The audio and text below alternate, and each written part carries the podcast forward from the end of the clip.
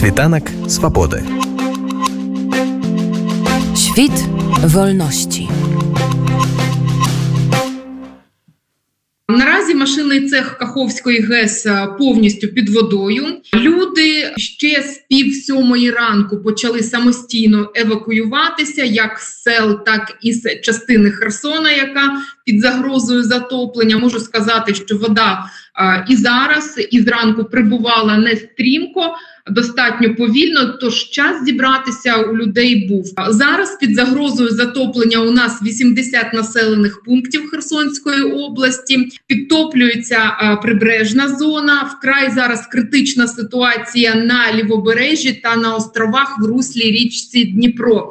Це дачі на дачах там лишилися заблокованими люди. Рівень води у Каховському водосховищі зараз знижується і е, майже впав на півтори метри. У річку Дніпро через затоплення машинного цеху Каховської ГЕС потрапило щонайменше 150 тонн машинного мастила і може потрапити ще понад 300 тонн. Поки що детальної інформації з цього приводу у нас немає. А на правобережжі області на звільненій частині правобережжя рівень води сягнув вже майже двох метрів. Продовжується евакуація на Херсонщині вже евакуйовано близько тисячі осіб, і вона триває надалі. А зараз задіяно для евакуації цивільних близько 250 одиниць різної техніки. А можу сказати, що вода прибуває і в самому Херсоні. Підтоплено мікрорайон Корабел. Це мікрорайон, який ми називаємо острів, який постійно перебував під обстрілами окупантів з лівого берега. А тепер він іще і е, затоплений. Аби убезпечити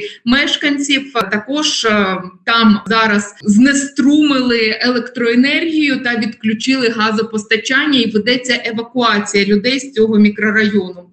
Мешканці правобережної частини також Херсонщини повідомляють, що підтопило околиці села Дар'ївки, підтопило водою з річки Інгулець, і підтоплення спостерігається майже по всіх населених пунктах, які знаходяться вздовж річки Дніпро. А також у новій Каховці це лівий берег, окупований лівий берег продовжує прибувати теж Дніпровська вода. Вже підтоплені там е, літній кінотеатр, палац культури. Вода дійшла до проспекту Дніпровського, це центр міста. І наразі зв'язку з місцевими немає. Ймовірно, щось е, з е, сигналом або ж з інтернетом, тому що зранку ще спілкуватися з мешканцями нової каховки було можливо. Ряд островів, які знаходяться в Дельті Дніпра, вже повністю затоплені. Я можу сказати, я про це трохи казала раніше раніше, що люди, які там лишилися, просто рятуються на дахах, будинках е, і е, на деревах. Ну і за словами голови обласної військової адміністрації Олександра Прокудіна, в кожній громаді зараз Херсонщини створили штаб евакуації населення. І, зокрема, у Херсоні створено такі три центри допомоги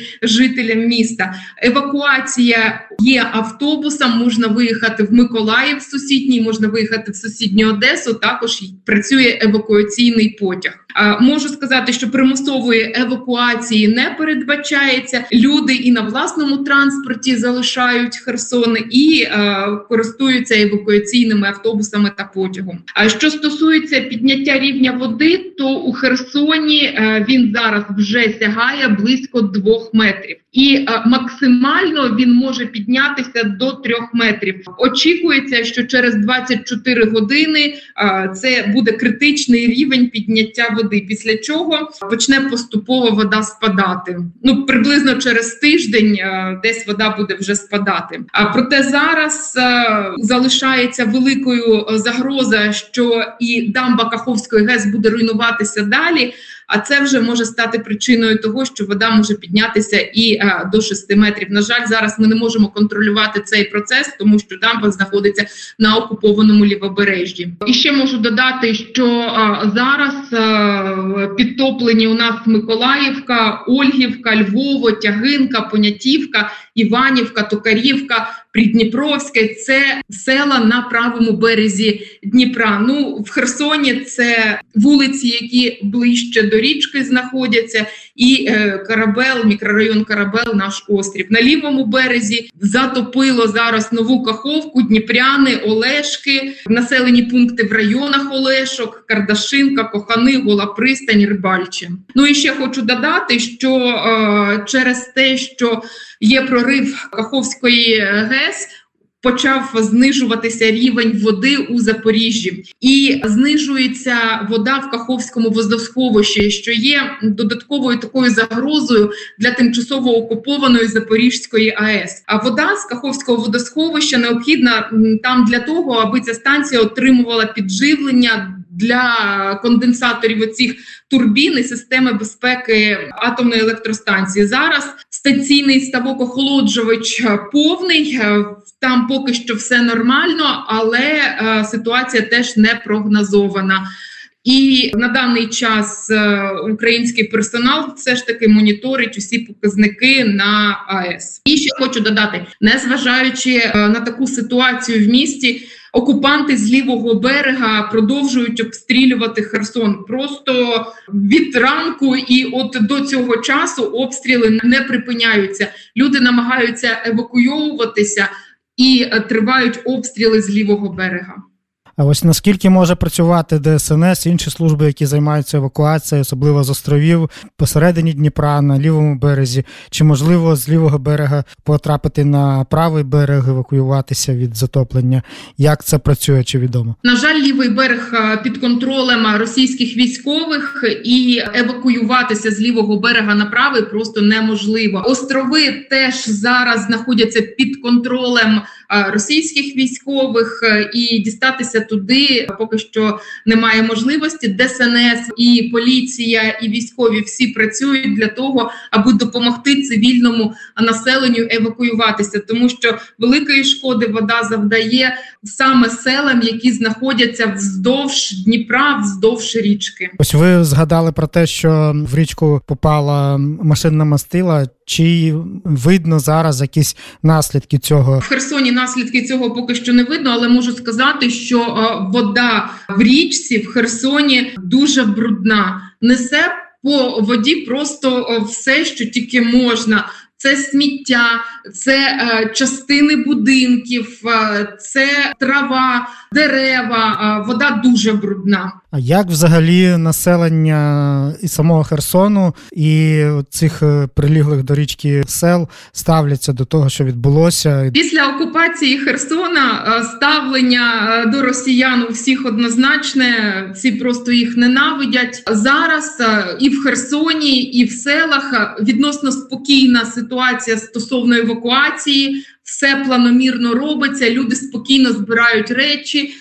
Тим, хто не може самостійно ходити, їм допомагають е, співробітники ДСНС, поліції. Ці інші самотужки збираються. Якщо є свій транспорт, виїжджають. Якщо ні, користуються евакуаційними автобусами та машинами, які зараз є по області. Єдине, що можу зазначити, деякі населені пункти Херсонщини правобережжя зараз відрізані від е, основної частини правобережжя, тому що затопило мости. ДНС теж вирішує цю проблему, як людей з тієї частини з тих сел евакуювати в Херсоні. Ніякої паніки, ніякої такої е, нервової ситуації не було. Я ж вже казала, що люди просто з пів е, на сьому ранку потроху почали збиратися. Вода прибуває поступово, вона не швидко. Хвилі такої великої, якої очікували, немає. Е, тому люди спокійно збираються.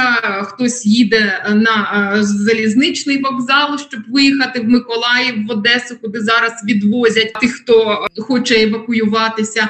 Хтось їде машинами і виїжджає самотужки. А ще таке питання: яка ситуація із е, бомбосховищами у Херсоні? Відомо, що це в основному підвальні приміщення, які нижче рівню землі знаходяться.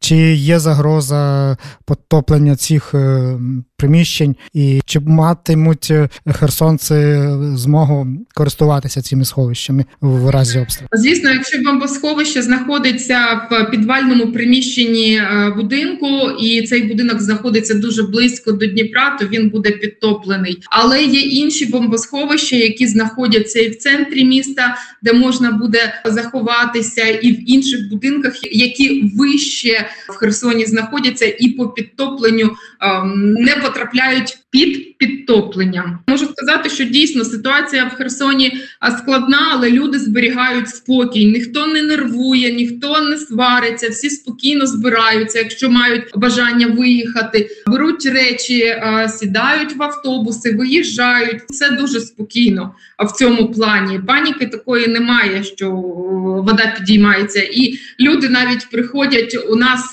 до берега річки і знімають відео, як що відбувається, і розповідають про це і в соцмережах, і своїм близьким теж надсилають ці всі повідомлення, що відбувається в Херсоні. Але зараз реальна проблема того, що тривають обстріли. Люди намагаються виїхати, виїжджають, е, знаходяться на вулиці і просто тривають мінометні обстріли. Це зараз більша небезпека ніж вода.